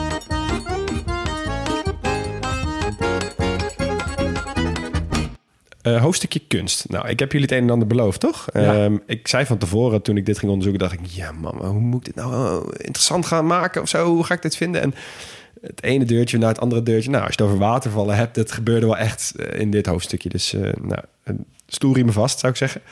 Ehm, ik begin in 1921 bij Fodeba Keita. Hij werd geboren daar. Hij heeft een behoorlijk tumultueus leven voor de boeg. Eh, na zijn scholing in, eh in Guinea vertrok hij naar Parijs om daar te gaan studeren. En hij sloot zich aan bij de ideologische Franstalige beweging Negritude. Hebben we die wel eens Ja. besproken, volgens mij? Dat is die, eh, die, die stroming die zich verbonden voelt door hun gezamenlijke afkomst en afkeer tegen racisme vanuit voornamelijk het Franse koloniale rijk, zeg maar. En dat waren voornamelijk schrijvers die zeer realistische literatuur schreef. Eh, ehm, en hij wilde het eigenlijk op een, op een iets andere eh, manier doen. Dus hij is een tijdje daar, heeft hij zichzelf eh, ondergedompeld in die, in die cultuur daar. Ehm, en dacht, weet je wat, Eh, ik vind eigenlijk gewoon dans een stuk leuker. Dus hij heeft zich, eh, nou, naarmate de jaren vorderen, richting eind jaren 40, heeft hij zich gericht op iets dat heet Le Ballet Africain. En ballet is niet zoals wij kennen ballet. Ballet is gewoon Afrikaanse dans en muziek. Eh, en eh, de eerste uitvoering van Le Ballet Africain vond plaats in november 1952 in Parijs. Eh, en was meteen echt een gigantisch succes. Hij heeft meteen door Frankrijk is hij gaan reizen. heeft een gezelschap gevormd om dit allemaal groter te maken. En is in 1955 voor het eerst naar Afrika gegaan. Heeft toen een hele tour gedaan door alle toenmalige nog Franse koloniën in West-Afrika. En werd toen ook opgepikt door, komt hij, Ahmed Sekou Touré. Dus hè, daar hebben we hem weer. En hij wordt ook belangrijk in dit hoofdstukje. Eh, die dacht, weet je wat, eh, wij gaan even lekker samenwerken. En toen na de onafhankelijkheid heeft hij hem meteen eh, minister van Binnenlandse Zaken gemaakt. Moet je nagaan hoe dat dan werkt. Oké. Weet je wel? Hij moet wel gezegd, hij is wel... Hij is is wel niet minister van kunst of zo, maar gewoon... nee, maar hij moet wel gezegd worden, hij, heeft, hij ging naar, naar Parijs om daar jurist te worden, zeg maar. Dus hij heeft daar rechten gestudeerd. Ehm, eh, en nou goed, hij ging dus mee met Touré. En eh, werkte heel erg veel samen na die onafhankelijkheid. En in 1961 werd hij ook nog eens benoemd tot minister, van Defensie en Veiligheid. dus hij heeft ook wel wat verschillende posten eh, eh, meegemaakt. En op een gegeven moment heeft hij gezegd... joh, volgens mij zijn er allemaal samenzweringen tegen Sekou Touré gaande. En heeft hij allemaal mensen bij elkaar verzameld om dat te bewijzen. Maar dit heeft uiteindelijk geleid... en ik heb echt geprobeerd te onderzoeken hoe dit nou precies is... maar hier zit echt een serie of een film in... tot zijn eigen gevangenschap in kamp Boiro Ja. waar wij het over hadden. Eh, een gevangenis die die nota bene zelf heeft helpen bouwen. Ja, dit is dus weer een mooi voorbeeld van iemand, van een medestander van Touré, die, eh, ja, die, die toch weer tegen zich in het harnas heeft gejaagd. Of waarvan die dacht van, oh, hij is ook tegen mij. Ik Nou, moet hem ook gaan vervolgen. Precies dat, ja. En dat is dus, hij werd dus inderdaad beschuldigd aan medeplichtigheid van een complot. Nou, dat heb je altijd bij die, eh, bij die dictators die dan helemaal crazy worden. in Misschien eigen werd hoofd. hij stiekem ook iets te machtig in de ogen van Touré. Misschien. Ehm, en hij werd, daar onder, hij werd daar gemarteld op de diète noir manier. Die zijn jullie misschien tegengekomen. Dan krijg je dus geen voedsel of vloeistoffen meer. En dan ga je dus gewoon een soort van... Ja, je, droogt helemaal uit. En dan krijg je één keer per dag krijg je één slok water of zo. Ehm, en als je dus dieet noir googelt, of zwarte dieet... ehm, dan kom je dus ook gewoon alleen uit bij dat Camp Boiro of bij die Touré. Echt bizar. Uiteindelijk werd hij in 1969 zonder proces doodgeschoten. Ehm, maar waarom ik zijn hele verhaal heb verteld, is omdat zijn, zijn legacy nog steeds bestaat. Want eh, Le Ballet Africain bestaat nog steeds en toert nog steeds over de hele wereld. Amerika, Australië, Japan, overal komen ze naartoe. Eh, en die groep die wisselt natuurlijk steeds qua dansers en muziek en, eh, en mensen die erbij zitten. En een van de bekendste mensen van die band is de inmiddels 80-jarige Fomodou Konate. Eh, en hij schijnt een van de beste djembe-spelers van de wereld te zijn. Dus ik ga even een le- lekker stukje laten horen van de djembe.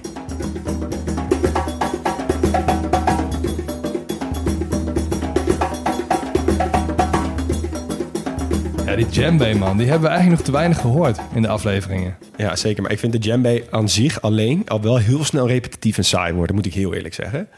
Ehm, dus wat hij ermee doet, vind ik dan wel interessant. Want hij wisselt echt heel snel van percussiestijl en van, eh, van snelheid. Ik ben altijd heel erg, ik vind dat gigantisch tof om te horen wat voor verschillende soorten geluiden er uit één zo'n trommel Ja, kan komen. Ja, klopt. Zo knap. En dan gaan we even terug naar Touré. Want dit is een van die hoofdstukjes, een van die momentjes dat ik een deurtje opende en dacht, holy shit.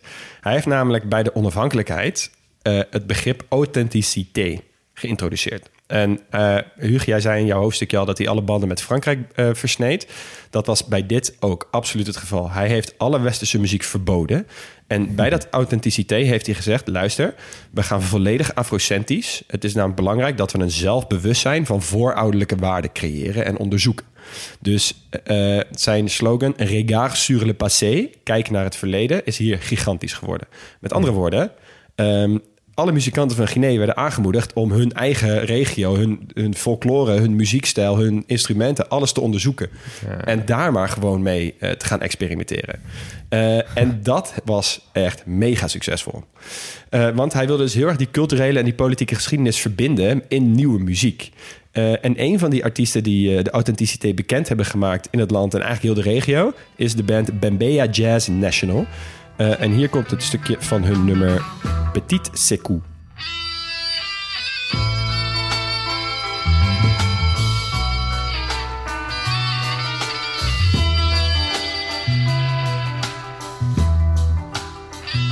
Ja, dit vind ik wel mooi. Ik, eh, ik kan hier wel van genieten. Ik Jij, heb niet vaak, ja, ik heb wel heel vaak dat ik geniet van dit soort muziekstukjes, maar ik heb ook niet vaak dat ik iets hoor waarbij ik denk van, als dit uit een ander land was gekomen, dan was het gewoon een top 2000 waarde geweest. Ja, Ja. Ja, dit hoor je toch en dit, hiermee denk je toch meteen aan zo'n rock solo van zo'n nummer in de top 20 van de top 2000. Ja, en ze hebben dus echt heel veel hele vette nummers, heel verschillend, ook in stijl. Niet zoals hun naam zou vermoeden, alleen in de jazz. Ehm, maar ik zou zeggen, ja, hij gaat sowieso in de popatlas, maar onderzoek het gewoon nog even hoeveel leuke nummers hij hebben gemaakt. Ehm, dan weer terug naar Touré, want eh, nadat authenticiteit heeft hij nog iets anders bedacht. Namelijk in 1968 introduceerde hij de culturele revolutie. Uh-oh. Ja, dat is inderdaad precies zo eng als dat het klinkt. Want alle media door de, werden door de staat gecontroleerd. En eh, alle mediabedrijven werden SILI genoemd. S-Y-L-I. Dat is het Susu-woord voor olifant. Eh, dus eh, je had Silly Cinema, Silly Foto, Silly Art, Silly Phone.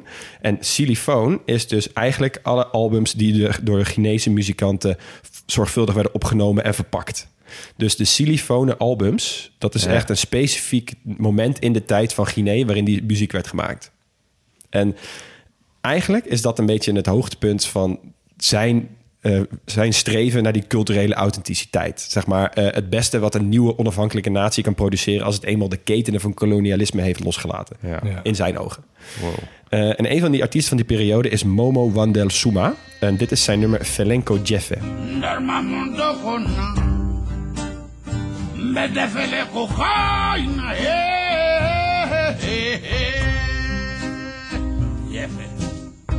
Jeffe Zo krakerige oude blues. Ja, Ja. Wat een stem ook, hè. Ja, ik hou je van. Ja, geweldig. Ehm, en iemand, eh, er was ook nog een andere, er zijn heel veel artiesten hè, uit deze periode. Dus ik moest echt, echt kiezen wie ik ging laten luisteren. Er was ook een andere man die vond dat er te veel westerse en te weinig Afrikaanse muziek was eh, en, en werd gedraaid. En die naam is Mori Kanté.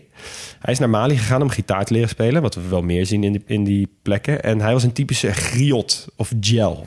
Kennen jullie die term? Een griot? Het was al echt de vraag wanneer we er voor het eerst een keer over gingen hebben. Ja, ik kende dat dus niet. Dus ik ging het even opzoeken. Maar het is dus iemand die verhalen en gedichten vertelt via zang.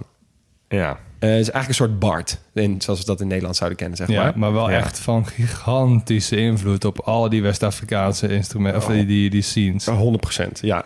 En eh, deze man heeft dus een heerlijk nummertje geschreven... waarmee hij ironisch genoeg wereldberoemd werd, ook in het Westen. En ik denk zelfs dat sommige van onze luisteraars deze zullen kennen. Dit is namelijk het nummer Jekke Jekke.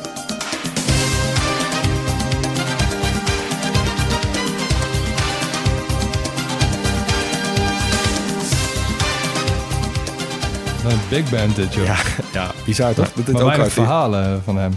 Wat een lekker tempo ook. Ja, ja, Maar bizar. dit, stukje is puur instrumentaal, maar het is wel Ja. een nummer waarin ook gezongen wordt, neem ik aan. Ja, ja de, absoluut. Er Later komt er nog een stukje waarin een hele jekke jekke stuk gezongen wordt. Ehm, goed, ik sluit hem af met de, na de val van, eh van Couté kwamen natuurlijk die, die staatsgrepen waar we het net ook even hebben gehad. En die xylofone muziek, die lag in een gebouw wat gebombardeerd werd. En men dacht heel lang dat alle platen van die xylofone tijdperk, dat die vernietigd waren. Op een gegeven moment vonden ze er 50, maar die werden in een archief gedumpt, omdat eh, die Conté, die was heel bang dat als die muziek weer naar, naar boven zou komen, mensen zouden verlangen naar de tijd van Couté. En dachten dat hij dan werd, werd afgezet. Ook zo'n zo'n rare kringel van de gedachte. Dus die zaten al heel lang opgesloten ver weg diep in een archief. Toen was er een, een Australiër, een etnomusicoloog. Nou, dan zit je sowieso right up my alley. Graham Council. Eh, en zijn, hij had het als doel bedacht... die xylofone vinyl eh, wil ik opsporen, verzamelen, digitaliseren, let's go. Dus hij is daar eh, ergens in eh, 20, eh, 2020, of, eh, 2012, 2013 is hij die kant op gegaan. Heeft hij al die 50 rollen weten op te sporen. kwam hij erachter dat het er niet 50 waren, maar veel meer. Moest hij steeds heen en weer, omdat er steeds weer coups waren. Kreeg hij meer geld van de Britse Library. En uiteindelijk, door zijn volharding, heeft hij nog 7767 Chinese nummers uit de periode 1960 tot 2000 digitaal bewaard en openbaar gemaakt. En hij heeft daarmee de Palme Académique d'Or eh, gewonnen, van de hoogste academische onderscheiding van Guinea. Wat, wat een strijder. Wat een carrière heeft die man gehad. hè. Fantastisch, toch? Nou, als één laatste liedje mag spelen, dan wil ik nog even eentje spelen van nu. Dus eh, ook op dit moment maakt Guinea nog steeds heeft een hele sterke traditie in, eh, in muziek. Je hebt bijvoorbeeld Mo Kouyaté, die zal ik ook even in de popatlas zetten. Die is ook echt fantastisch. Maar ik wil er eentje laten horen van Falle Nyoke. Die samen met de Britse producer Ghost Culture maakte hij deze banger.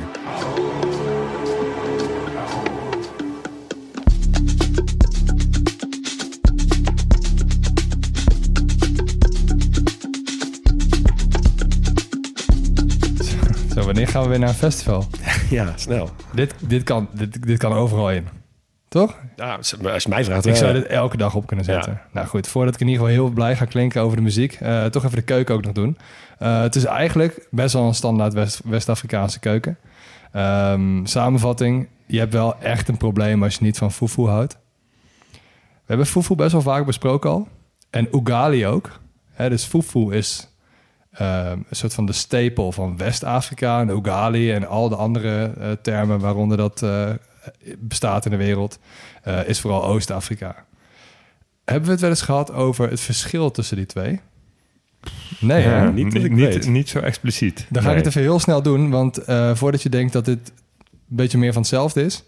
Nee, eh ugali is van maismeel en fufu is van iets zetmeligs zoals cassave, eh, kookbanaan of jam of zo. Ja. Dus dat is een belangrijk verschil. En het eh, tweede verschil is de bereidingswijze. Want ugali is gewoon zoals je ook gewoon brooddeeg maakt. Weet je wel, gewoon meel oplossen in water en dan koken. Eh, en fufu moet je dus eerst al die groenten koken en dan pas stampen. Ja, oké. Ja, ja. precies. Dus die twee grote verschillen, dat zijn de belangrijkste eh, tussen fufu en ugali. Nooit meer vergeten dus. Eh, dan even twee mooie gerechten in Guinea. Leon, even oren dicht. Waarom, waarom zeg ik dat tegen jou, denk je? Eh, er zit er heel veel koriander in. Nee. Nog een keer? Ehm, Waar heb je nog meer in? Oh, warm fruit, warm fruit. Zeker weten. Ja, Oh. mango en rafalari. Eh, dat is wel echt hun nationale gerecht, waar ze het in ieder geval het beste mee onderscheiden. Eh, ik ga je even een boodschappenlijstje geven. Natuurlijk, mango's, ui, palmolie, gerookte vis, of eigenlijk vis, maar gerookt is de beste versie. Gedroogde garnalen, komt vaak in een soort poedervorm. Bouillonblokje, een scotch bonnet peper. Ja, dat is een beetje de, de habanero van West-Afrika, zeg maar. Eh, en ook Cariben vind je het wel veel. En zout. Oké, dat is een beperkt lijstje. Beperkt lijstje, maar daar kun je wel mooie dingen van maken. En wat je dus doet, en dit is wel eh, best wel anders dan de meeste manieren die je kent om iets met mango te doen. Je kookt dus de mango. En die kook je zo lang dat hij ook een beetje gewoon van zijn pit afvalt. En dat bindt dus die saus. Oh, joh. Oké, Dus dus je krijgt- niet stukjes mango door je saus. Nee, maar dit vind, ik, kijk, dit vind ik een ander verhaal. Ja. Kijk, warm fruit, wat ik gewoon zo warme banaan in je mond stoppen, eh, mij niet bellen. Maar als je warm fruit gebruikt om een saus mee samen te binden, ja, Ja. fantastisch. Oké, dit is goed, dit is goed. Ja, ik was er ook wel van gecharmeerd eigenlijk. Eigenlijk wat je krijgt is gewoon best wel een pittige visstoofpot... met een zoete tegenhanger van die mango. Ja, En het is wel een kick van die peper, maar dat is wel heel goed gebalanceerd. oké. Ik wilde het wel proberen. Ik ook. Ja. ja, ik ook. En ik Te was dus nog wel ook. benieuwd. Eh, je eet dit met rijst trouwens. Eh, ik was wel benieuwd. Dus wat heb ik gedaan? Ik ben even gaan, eh, gaan googlen op dat gerecht. En nou, er wordt wel over geschreven. Maar ik heb ook een aflevering geluisterd van de Africa in My Kitchen podcast. Ja, ja, ja. En dat is wel een hele mooie. Die hebben dus echt eh, veel afleveringen. Het zijn twee eh, vrouwen van Nigeriaanse afkomst, meen ik. Uit Canada komen ze. Ehm, en ze hebben dus een aflevering per gerecht. Dus ook dingen als peri peri uit, eh, uit Mozambique. Malva pudding, wat we pas gegeten hebben in Zuid-Afrika. Maar die komt dus bij hun uit Namibië. De legendarische Dorowot uit Ethiopië. Al dat soort gerechten hebben ze dus afleveringen over. Dus die wil ik toch even tippen. Ja, zetten we op de website. Voor de echte liefhebber hebben ze ook een Jollof Rice special van meer dan een uur. Dus wij moeten ons ook een keer gaan branden aan die, eh, aan die battle. We hebben het in Senegal natuurlijk even over gehad. Ja, kan niet wachten tot we Nigeria of Ghana gaan maken. inderdaad. Ja. Ja. Nou, het tweede gerecht dat ik even met jullie doorneem is JCT. Is ook een visstoof. En de ster in dit gerecht is een groente die wij volgens mij ook nog niet echt besproken hebben. Okra. Ja, Ja. die zie je ook veel terugkomen. Ook, hè? Ja, die zie je inderdaad veel terugkomen. Houdt een beetje het midden tussen een courgette en een groene peper. Zo kun je het wel zien. In het Engels noemen ze het ook wel ladyfinger. En eigenlijk het is een, een onrijpe vrucht die we gebruiken als groente. En het heeft een beetje een grassige smaak. Dus vergelijkbaar met sperziebonen ook. Ik las ook iets van groene asperge. Die hoek zit het een beetje. Oké. Hmm. Ik kan er altijd wel van genieten. Eh, de meeste daarvan komen uit India. Daarna Nigeria. Dus die, die hoeken van de wereld vind je het vooral. Eh, maar het wordt ook wel veel gebruikt in de Cajun keuken. Dus in het zuiden van de VS. Mm. En in Brazilië. Dus het is wel echt een mooie landkaart die je ermee kan Zo. tekenen. Ja, inderdaad. Dit soort groenten. ja, en wat ik nog wel even mooi vond voor de liefhebbers... eh, is, eh, we hebben het pas gehad over hoe mooi de vogelnamen zijn in het Nederlands. Groenten kunnen er ook wel wat van, hoor. Ik, eh, ik vond eh, op de Wikipedia van Okra dat het een doosvrucht is. Oh, Oftewel ja, een vrucht met ja. meerdere zaadjes erin. Dus Ja, een ja, ja, peulen, die horen er ook bij. En ze horen tot de kaasjeskruidfamilie. ja, heerlijk. nou, die kunt niet wachten, toch? Ja, heerlijk. Daar horen trouwens ook katoen en cacao bij. Die zitten ook in die kaasjeskruidfamilie. Ja, die zitten ook in die familie. Oh, Dus het is wel een gezellige bende daar. Oké, oké, oké. Veel calorieën? Moet je er veel afsporten? Valt wel mee. Oké, nou dat is maar goed ook, want eh, eh, op de Olympische Spelen gaat het niet zo heel crescendo. Geen medailles. Ehm, maar voetbal is de populairste sport in, eh, in Guinea. Echt by far. Een kijkje in de lokale voetbalcompetitie... die brengt je op clubnamen als de AS Ashanti Golden Boys... ehm Flam Olympique FC en Elephant de Colea. Ja, vet. Schitterend. Het nationale team heeft als bijnaam trouwens de Sili Nationaal. Daar heb je weer Sili, dus de, Ja. de nationale olifanten. Hele vette bijnaam. Zijn Afrikaanse, sowieso, Afrikaanse landen sowieso wel goed in. Ja. eh, vette bijnamen voor de nationale teams. Ja, die hebben daar genoeg dieren om eh, inspiratie uit te putten natuurlijk. Ja, precies. de eerste Interland, eh, die speelden ze tegen Oost-Duitsland. Dat zegt natuurlijk ook wel weer iets over de politieke oriëntatie van het land in de jaren 60. Ehm, ze hebben zich nog nooit gekwalificeerd voor het WK, maar op de Afrika Cup wel een keer echt een topprestatie geleverd. In 1976 namelijk. Toen werden ze tweede. Nee joh. Ja, de finale op dat toernooi was een poolfase met vier landen. Oh. Ja. Ehm, ze wonnen van Egypte en speelden gelijk tegen Nigeria. En in de laatste poolwedstrijd moesten ze tegen Marokko. Die hadden hun beide eerste wedstrijden gewonnen. Dus het ging eigenlijk tussen die twee. Guinea moest winnen. Dan zouden ze eerste worden in de pool. En daarmee dus de Afrika Cup winnen. Guinea stond lange tijd met 1-0 voor. Ehm, maar in de 86e minuut maakte Marokko gelijk. Dus Guinea werd tweede en Marokko won. Nog wel opvallend, zowel Guinea als Marokko had een Roemeense bondscoach. ik, ik zag dit toevallig bij die wedstrijd. Ik denk, dat is raar. Maar hoe dan ook, echt een hele knappe prestatie tussen die drie Afrikaanse toplanden. Ja. Eh, de grootste ster van het moment is Nabi Keita. Ehm, die speelde voor Salzburg, Leipzig en Liverpool... waar hij zijn prijskaartje van 60 miljoen niet helemaal kon waarmaken. Speelt nu voor Werder Bremen. De, be- de beste voetballer van Chinese afkomst is zonder twijfel Paul Pogba. Oh, De Franse superster. Ehm, maar helaas speelt hij voor Frankrijk. Zijn twee oudere broers, Matthias en Florentin, die komen wel voor Guinea uit. Maar helaas zijn die van een iets ander niveau. Ehm, Matthias Pogba die heeft nog een halfjaartje voor Sparta gespeeld. Ehm, maar we kennen hem vooral van een zaak waarin hij Kylian Mbappé en zijn eigen broer Paul afperste. Matthias die dreigde namelijk onthullingen te doen over zijn broer. Oh, zijn dit verhaal ken ik nog wel, ja. ja, Paul Pogba die zou namelijk wel eens gebruik maken van een Afrikaanse witte magier om hem te beschermen tegen blessures. En Matthias die beweert dat hij in het bezit is van berichten waarin Paul de magier vraagt om tegenstanders te vervloeken. oh, wow. En hij eiste samen met wat gewapende jeugdvrienden 13 miljoen euro van Paul. Wat een broederliefde. Voor zijn, van zijn eigen broer. Ja. Maar hij werd opgepakt voordat het zover kwam. Zo, dit verwacht je echt ergens helemaal in de kelderklasses van dat soort landen. Maar Ja. dit gaat gewoon over Paul Pogba. Maar, ja, maar dit is dus een gevolg van, ehm, van een gast uit een arm land die heel rijk is geworden, Paul Pogba. En eh, in zijn omgeving mensen heeft die dat niet zo zijn. Ja, dan, dan kunnen dit soort, eh, dit soort dingen Rare voorkomen. frapatsen. Ja, precies. Ehm, ik ben niet op allerlei lijpe lokale sporten gestuurd, eh, maar wel op iets anders moois. In Conakry staat namelijk een van de meest prestigieuze scholen voor acrobaten ter wereld. Het Centre d'Art Acrobatique Keita Fodeba. En sinds het stukje Keita van Leon eh, weet ik hoe dat, eh, dat centrum aan zijn naam komt. Dat is dus die, die, eh, die danser. Ehm, ze bieden plaats aan kinderen en jongeren tussen de 10 en 20 die op straat leven en bieden hen de mogelijkheid om zich te ontwikkelen tot acrobaat. En dat doen ze echt fucking goed. Studenten belanden regelmatig in grote circus over de hele wereld. Ook Cirque du Soleil bijvoorbeeld. En het leukste is, de trainingen zijn vrij te bezoeken. Oh, vet. Dus doe dat zeker als je in Conakry bent. Ehm, ik heb een filmpje gezien en het is echt insane wat ze kunnen. Ehm, het zijn trouwens niet alleen acrobaten. Eh, de mensen die echt de, de show stelen, dat zijn de contortionisten. Hebben jullie daar ooit van gehoord? nee. Ik ook niet, maar dit, zijn, dit is de officiële term voor slangenmensen.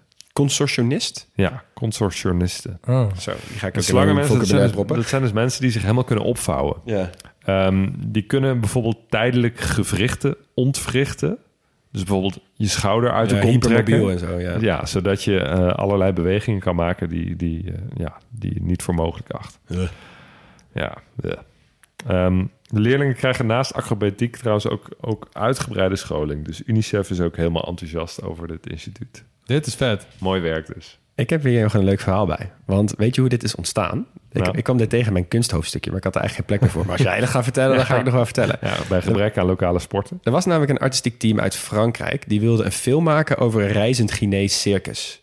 Eh, maar er was een probleem. Ze er was helemaal geen reizend Chinees circus. Want er was het circus wel, maar die reist helemaal niet. Dus ze hebben zich dus met dat circus onder andere... eh, Ja. een nieuw nationale circusgroep opgericht... waarmee ze dus het land doorreizen. En dat is dus nu een collectief geworden... dat Circus Baobab heet. Ja, ja, ja precies. Ja, En die gaan gewoon het hele land door. En dus ook gewoon, die komen ook naar Nederland. Daar kan je ook gewoon heen, hier in Nederland. En dat is dus ontstaan uit dit idee. Oh, wat grappig. Dus ze, ze wilden een film maken over iets wat niet bestond. Dat Ja. ze, we creëren het eerst, Ja. zodat we er een Ja. film over kunnen Ja, maken. en die, er is dus ook inderdaad een film uit 2001. Ik heb hem niet gezien. Die heet Circus Baobab en die gaat hierover. Oh, wat lachen. Mooi.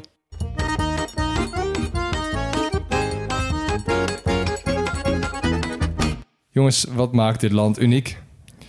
Eh, ik heb eigenlijk twee dingen. Mooi.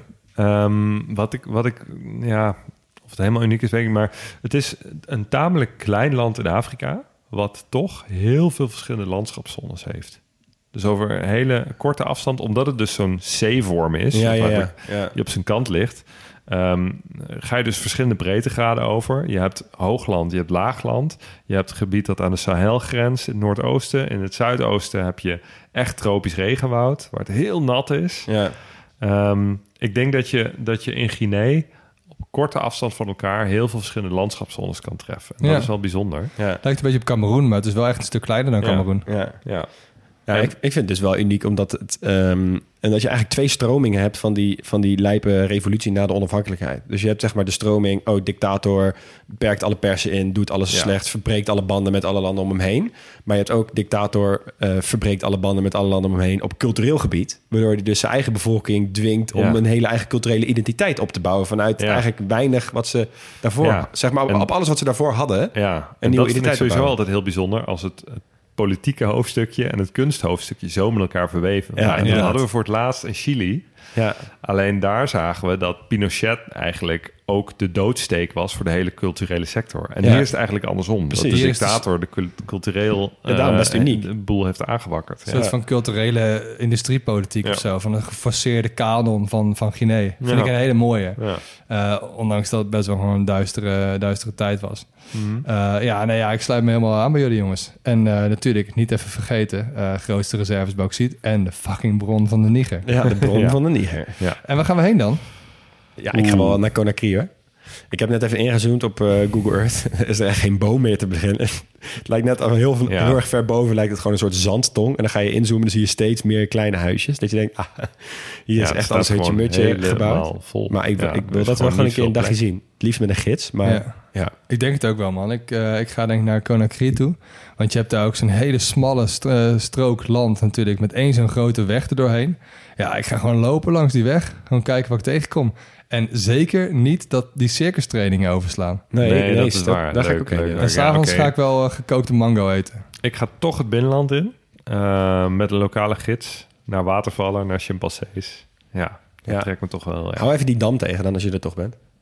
Ik ga mijn best doen. Doe maar. zeker. Lieve luisteraar, heel erg bedankt dat je er weer was. Dat je luisterde naar deze aflevering van de grote podcastlas. Vanuit de Huiskamerstudio in Utrecht hoorde je Leon Moelens, Max Gerts en Hugo Noordman. En Jonas van Impen, die doet voor ons de eindmontage. Nooit volledig, wel origineel, geen experts en wel liefhebbers.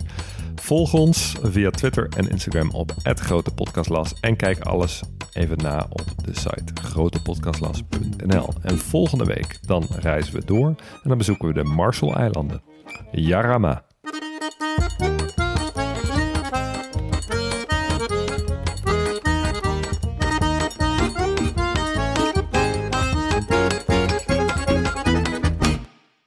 Luisteraar. Luister je nog steeds? Klasse, man. Je hebt er gewoon helemaal afgeluisterd. Nou, nu je tot hier bent gekomen, koop dan ook gelijk even ons boek, hè. grotepodcastlas.nl slash boek. Doei!